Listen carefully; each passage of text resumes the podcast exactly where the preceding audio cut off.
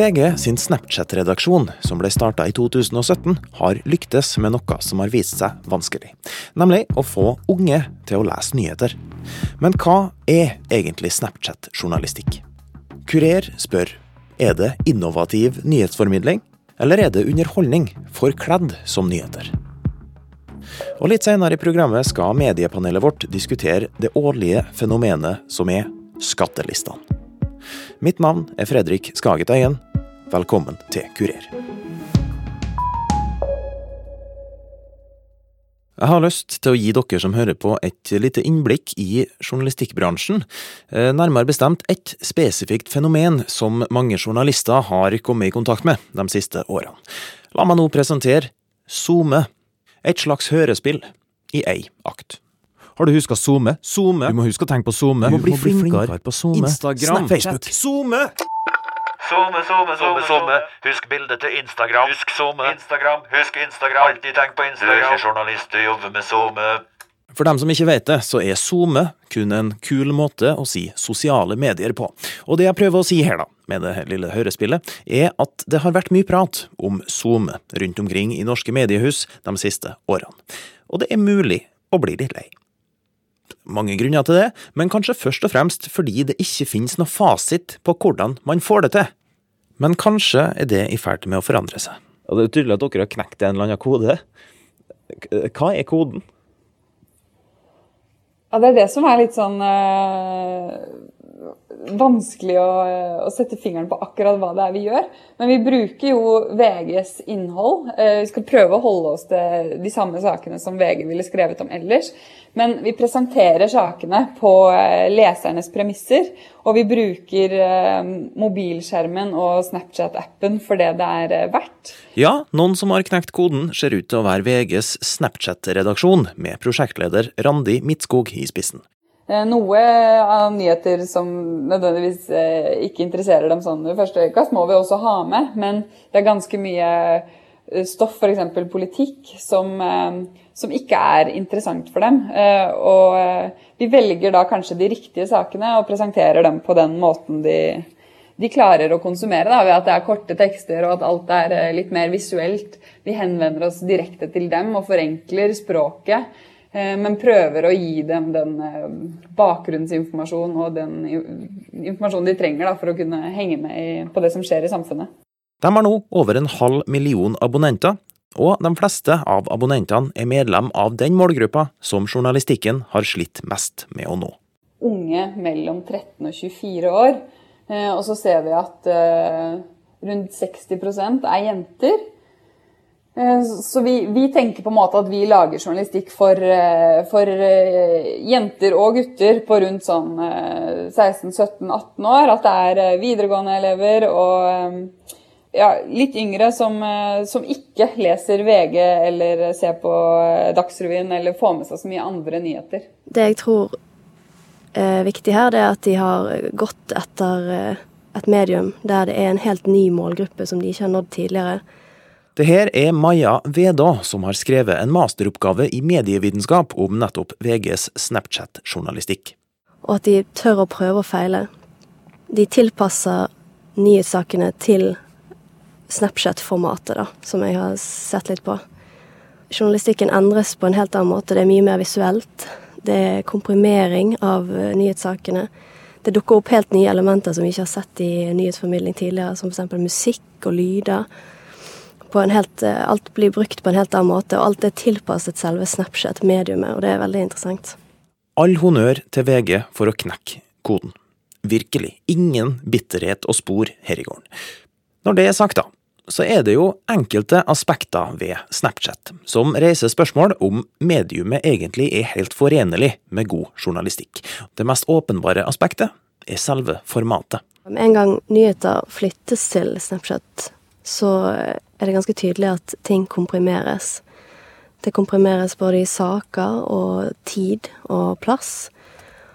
Eh, og det gjør jo at eh, det må gjøres et utvalg da, av VG som eh, kanskje eh, ikke har vært gjort tidligere. På nettavisene så oppdaterer man hele tiden. Om det skjer noe, så kommer det ut der. Det gjør man ikke på Snapchat. Man har ett klokkeslett i døgnet der man deler dagens utgave, Så egentlig så har man en veldig tradisjonell avis i et veldig moderne format. Og det er en litt merkelig miks som vi ikke har sett før.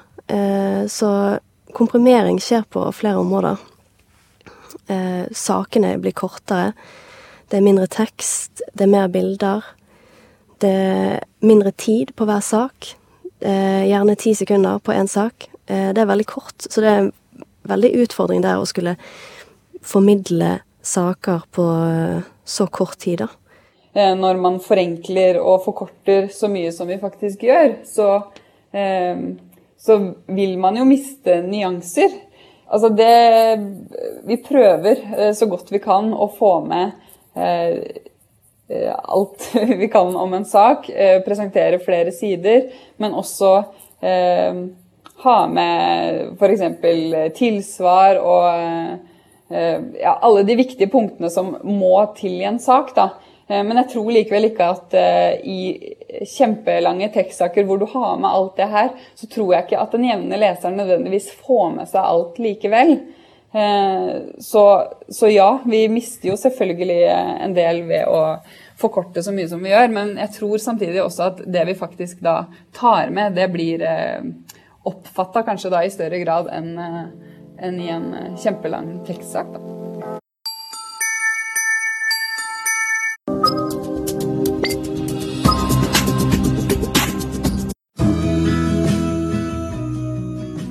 VG Snap er blitt kjent for en viss lekenhet i stilen, som helt sikkert er mye av selve appellen. Det brukes visuelle effekter, redigerte bilder, animasjoner og popmusikk.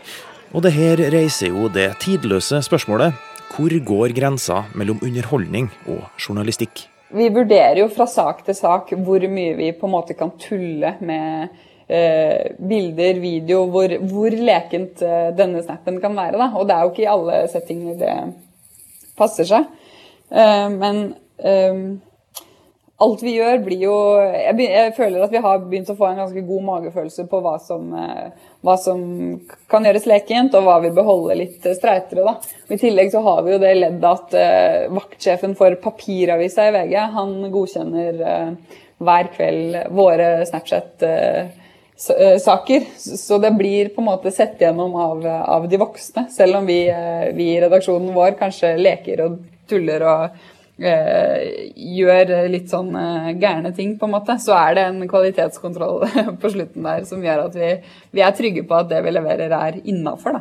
Altså, VG sjøl sier at de vil lage saker som de unge er interessert i. og basert på statistikk de har fra sin egen kanal, så sier de at eh, det som er visuelt, folk som gjerne er på deres egen alder, influensere, bloggere, eh, kan være ting som trekker eh, de unge leserne.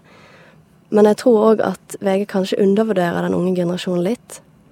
Jeg tror veldig mange yngre egentlig bryr seg om mye mer viktige ting enn det som dekkes. Og jeg tror ikke man bare skal tro at de unge bare vil lese om eh, bloggere og, eh, og eh, memes. Jeg tror ikke alt må være gøy for at de skal like det. Men det skal jo sies, det deles jo både seriøse saker og useriøse saker, om jeg kan si det. Så det er jo en miks. Men jeg tror det er viktig å ikke undervurdere den yngre målgruppen. Altså. Jeg tror de tror ikke de bare må ha lek og moro for å kunne lese nyheter. Jeg tror visuelt at det kan være en, eh, en inngang til eh, å fange de, men at man ikke må bli helt fast på at, at alt må være sånn, da. Kan det her bli en slags uh, tvangstrøye? Altså lar man publikum bestemme hva slags innhold de får, på en måte? Altså, vi lager jo eh, saker eh, veldig på leserne våres premisser. Eh, det gjør vi absolutt. Men samtidig så eh, er det en del saker som ikke nødvendigvis er eh, de største. Selvfølgelig får vi mye klikk hvis vi lager et eller annet på Ex on the Beach eller Paradise Hotel. Men eh, hvis det er valg i Norge, eller hvis det er regjeringskrise eller et eller annet stort skjer Eh, så er det også en selvfølge for oss at vi skal dekke de sakene. Eh, og det absolutt gøyeste er jo når vi klarer å, å, presentere det stoffet, som kanskje nødvendigvis ikke er så interessant for dem, på en måte som gjør at, eh, at de faktisk vil lese det. Da. For vi ser at det er veldig mange yngre som Eh, som opplever at eh, lærere eller foreldre snakker om ting som de kanskje ikke helt forstår. Men hvis de har fått det forklart hos oss, så klarer de å henge med i, i samtalen med eldre. Da. Og det er det absolutt mest tilfredsstillende for, for vår del, i hvert fall. Altså det er litt, tankegangen er litt sånn Det er bedre at de får med seg noe enn ingenting. Ja, egentlig. ja. Og vi prøver jo også Eh, i mye større grad. Vi er jo ikke så opptatt av eh, siste utvikling i en eh, sak, f.eks., men vi er mye mer opptatt av å forklare bakgrunn. Og så ser vi at hvis det er en sak vi ikke klarer å forklare godt nok, eller som rett og slett ikke egner seg til det her kortformatet i det hele tatt, så, så holder vi oss nesten heller unna saken, da. Det er viktig å se på Snap som en komplementær nyhetskilde og en komplementær plattform. Professor i medievitenskap Astrid Gynnhild er med i et forskningsprosjekt som bl.a. ser nærmere på Snapchat i journalistikken. Så Snap har sitt særpreg, akkurat som ulike radioprogrammer har sine særpreg, eller Dagsrevyen har hatt sitt særpreg, eller tre minutters nyhetssendinger har sine særpreg, så er Snap en måte å presentere nyheter på i et veldig stort og eh, mangefasettert daglig nyhetsbilde. Hva er VGs suksessoppskrift her? Jeg tror det har vært eh, smart å gå inn i dette eh, for fullt og satse på å utvikle den plattformen her på plattformens egne premisser, så å si, og på ungdommens egne premisser. Og de har jo utvikla, utforska og eksperimentert hele veien skapt eh, veldig god stemning, forstår jeg, i den reaksjonen. At de virkelig bedriver et pionerarbeid. Um, jeg tror det ligger der. Mm. Det er unge folk òg som er ansatte i denne redaksjonen? Det tror jeg også er et eh, kjempeviktig poeng, og at eh, de har fått ansvar for å utvikle dette på spennende og ansvarlige måter. Er det så enkelt som at de tør? Ja. Snapchat-journalistikk er i stor grad uutforska territorium. Og det som gjør det litt ekstra spennende, er at det er ungdommen som står for mye av utforskinga. Unge bruker det, unge journalister lager journalistikk med det, og unge forskere forsker på det. Og det er utrolig spennende å se hvordan journalistikken bare utvikles, og er i en sånn bane på vei mot uh, noe helt nytt. Mm. Så uh, jeg tror man kan si at uh, dette er et uh, eksempel på nyhetsformidling uh, i tiden framover, da. Ja. Så vil jo oss litt sånn mer gammelmodige, surmaga journalister si ja, men vi vet jo ikke hvordan det skal gå.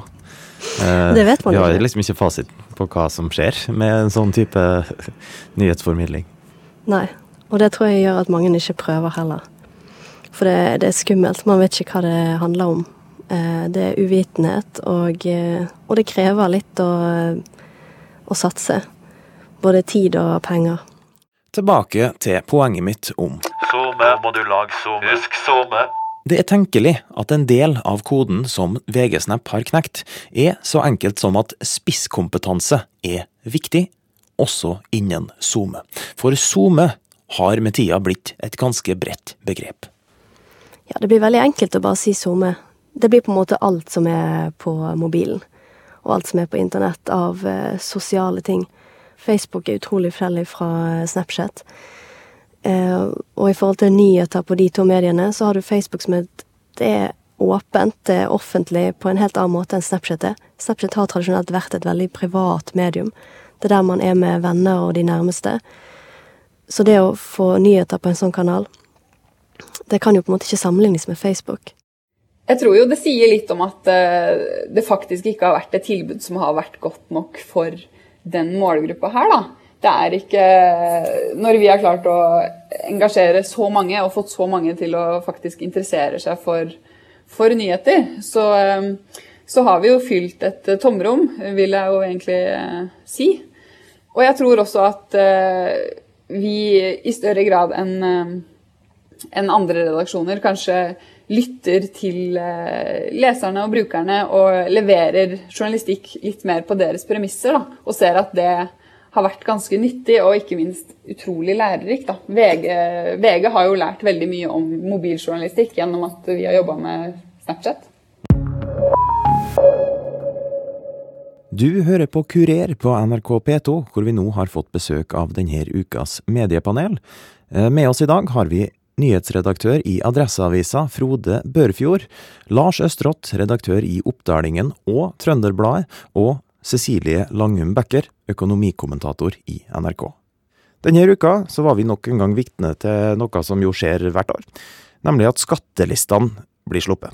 Eh, Og så snart det her skjer, så våkner jo selvsagt eh, pressen til liv. Eh, Men det er nok ikke til å komme unna at mange nok forbinder det her med kjedesnytt og snoking på naboen. Eh, Det er litt å ta tak i her, men aller først, Cecilie Langum Becker, kan ikke du minne oss på verdien av skattelistene? Ja, siden jeg får lov til å begynne, så er jo eh, holdningen til oss i NRK det er jo at åpenhet om skatt det styrker demokratiet. Det er liksom det som ligger i, bunn. Og Man kan jo lage mye god journalistikk på dette. her. Man kan se hvilke yrkesgrupper som tjener mest, hvem tjener minst. Vi kan se på inntektsfordeling mellom kjønn, geografi, og ikke minst hvem som bidrar mest eh, til eh, fellesskapet. Så Man kan da f.eks. få frem skjevheter i samfunnet, og man kan avdekke ting som svart økonomi. Så det er liksom mange deler av dette her. Bruker vi det riktig i media, sånn eh, generelt? Eh, ja, det vil jeg si. Stort sett. Det er klart at det er jo et visst element av eh, kjendis og litt sånn snoking.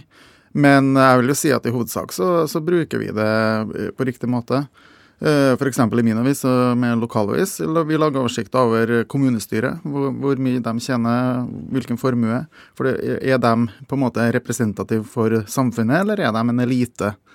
Det, det kan jo ikke sant, påvirke politikken. eh, Mm. Har lokalpressen andre utfordringer enn rikspressen når det kommer til akkurat det her? Uh, nei, har vi det? Vet ikke. Nei, jeg vet ikke. Det kan jo være at det er litt enklere å liksom eh, fyre opp under den her snok på naboen. Ja, det kan jo si at eh, hos oss er jo mindre samfunn at eh, ordføreren er også naboen og eh, bor, bor der. Ja, men sånn er det nå. Vi må nå bare forholde oss til det. Og en ting som vi, man ser på, Når man ser på det litt større på det, og, og ikke så, så lokalt, da, så er det noen, en ting som man ser, i hvert fall når jeg har holdt på med skattelistene i 13 år, 13-14 år som journalist, og det er jo en sånn veldig påfallende ting er jo at vi blir jo rikere og rikere her til lands, og så er det jo spesielt de som er rike fra før av, som blir eh, rikere. Man ser jo det hvert eneste år. Nå er det da 63 nordmenn som har en formue på over 1 milliard. I fjor var det tallet på 58. Eh, og, så, og så ser man at det er også stadig flere som ligger med en inntekt på mellom 20 og 100 millioner kroner i, året. Da er det klart at forskjellene mellom de som tjener veldig veldig mye, og de som da tjener lite, de blir stadig større. Sånn at ulikhetene i Norge eh, de øker. Og jeg tenker at å peke på den type forskjeller, det er en bra ting med disse, med disse skattelistene. I hvert fall at journalister får eh, tilgang til dem. Mm. Men hvorfor er det interessant for folk hvor mye en influenser tjener? Det er, det er jo for så vidt kanskje ikke så interessant, men, jeg, men at en, at en influenser kan tjene så mye, det sier jo også litt om eh, at man kanskje ikke skal undervurdere. Det er lett for oss i pressen å, være, å ha litt sånn pekefinger, og disse måte, bidrar ikke kanskje med så mye som det vi, eh, vi journalister gjør. Men samtidig, det er noe man kan faktisk eh, få en god inntekt av. Det er en helt ny yrkesgruppe som man kanskje ikke skal undervurdere, og at det er kanskje for noen er det en helt reell karriere, karrierevei, selv om eh, man kan diskutere hvor, hvor, bra det er for samfunnet eller hvor dårlig det er for samfunnet, så er det i hvert fall noe som er der, og, som, og en makt som kanskje ikke skal undervurderes. Mm. Eh, Frode Børfjord, du har stått der rolig og bare hørt på. Eh, kan ikke du ta oss litt med inn i adressa? Hva er det dere gjør når skattelistene publiseres? Hva er liksom gangen i arbeidet? Altså Det som er utgangspunktet vårt, jeg støtter jo veldig det som er blitt sagt om åpenhet og demokrati i forhold til skattelistene. Vi har jo en lang, lang tradisjon for at de er åpne. Nå har de blitt mer lukka etter hvert. Eh, og så har jeg veldig lite sans for uttrykket snoking. Eh, fordi det her handler jo egentlig om, om åpenhet. Og det som ble sagt her i forhold til by og land og region og de ulike Uh, ulike yrkesgruppene er jo på en måte vesentlig informasjon som gir Altså skattelistene gir oss jo data som gjør at vi kan gjøre ulike typer analyser. Det blir ikke alltid gjort første morgen det blir lagt ut tall. Da er det ofte litt sånn de rikeste i Trøndelag, og det er kjendisene og de som er musikkstjerner osv. osv. Eh, for det er sånne lette ting å hente ut. Men det er klart at den tilgangen til skattetallene gir også grunnlag for å gjøre annen type journalistikk også. Eh, og da er det annet lett å se på hvordan eh, pengene og inntektene er regionalt fordelt i Trøndelag. Det er interessant å se, og det er sånn type ting som vi jobber med datamessig, da. Um, og det mener jeg er viktig både for eh, samfunnsutviklinga og, og, innsikt i ulike ting. Og så mener jeg også det at det her med å eh, ettergå inntekter i forhold til ja, eh, kriminalitet, f.eks., eh, andre ting. Eh, det er også sånn som Jeg har jo også sjøl jobba med den type analyser av skattetall. Eh, og ser at det kan være ganske avslørende. At du finner faktisk spor som eh, kan gi ganske gode, eh, eller god innsikt i en del miljøer, da. Som du ellers ikke ville ha fått. Jeg lurer på den grensa mellom økonominyheter og kjendisnyheter. Siden, ta de første dagene der, da. Hvordan navigerer man seg gjennom den? Nei, altså det handler jo om eh, Du kan si vi hadde jo litt bedre tid før, for da kom tallene midt på natta. Nå kom de klokka sju. Uh, og da må vi liksom være veldig kjappe ute, og da er det det som står, henger liksom nederst på greina, som er lettest å ta ut fort. Uh, og da blir det litt sånn eh, Det kan oppleves som litt sånn kjendiseri, men samtidig så er det jo viktig å se på hvilke næringstopper som lykkes, f.eks. Uh, og det er klart, øverst på lista så er det jo store kjendiser også næringslivsmessig. Men det er kanskje ikke så interessant heller for folk hva en gitarist kjenner, liksom. Men et annet eksempel er jo med oppdrettsnæringen, da, som har kjent seg styrtrik. ikke sant? Og det ser man jo i, i skattelistene. Eh, og nå er det jo satt ned et utvalg, da, riktignok eh, slått ned av regjeringspartiene, men likevel.